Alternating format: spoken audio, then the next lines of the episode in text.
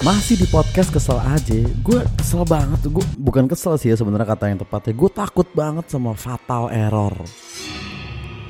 Blue screen of death Yang datang dengan tiba-tiba gitu. Lo lagi ngetik atau lo lagi main game gitu Atau lo lagi kerja gitu. Terus Ya tiba-tiba aja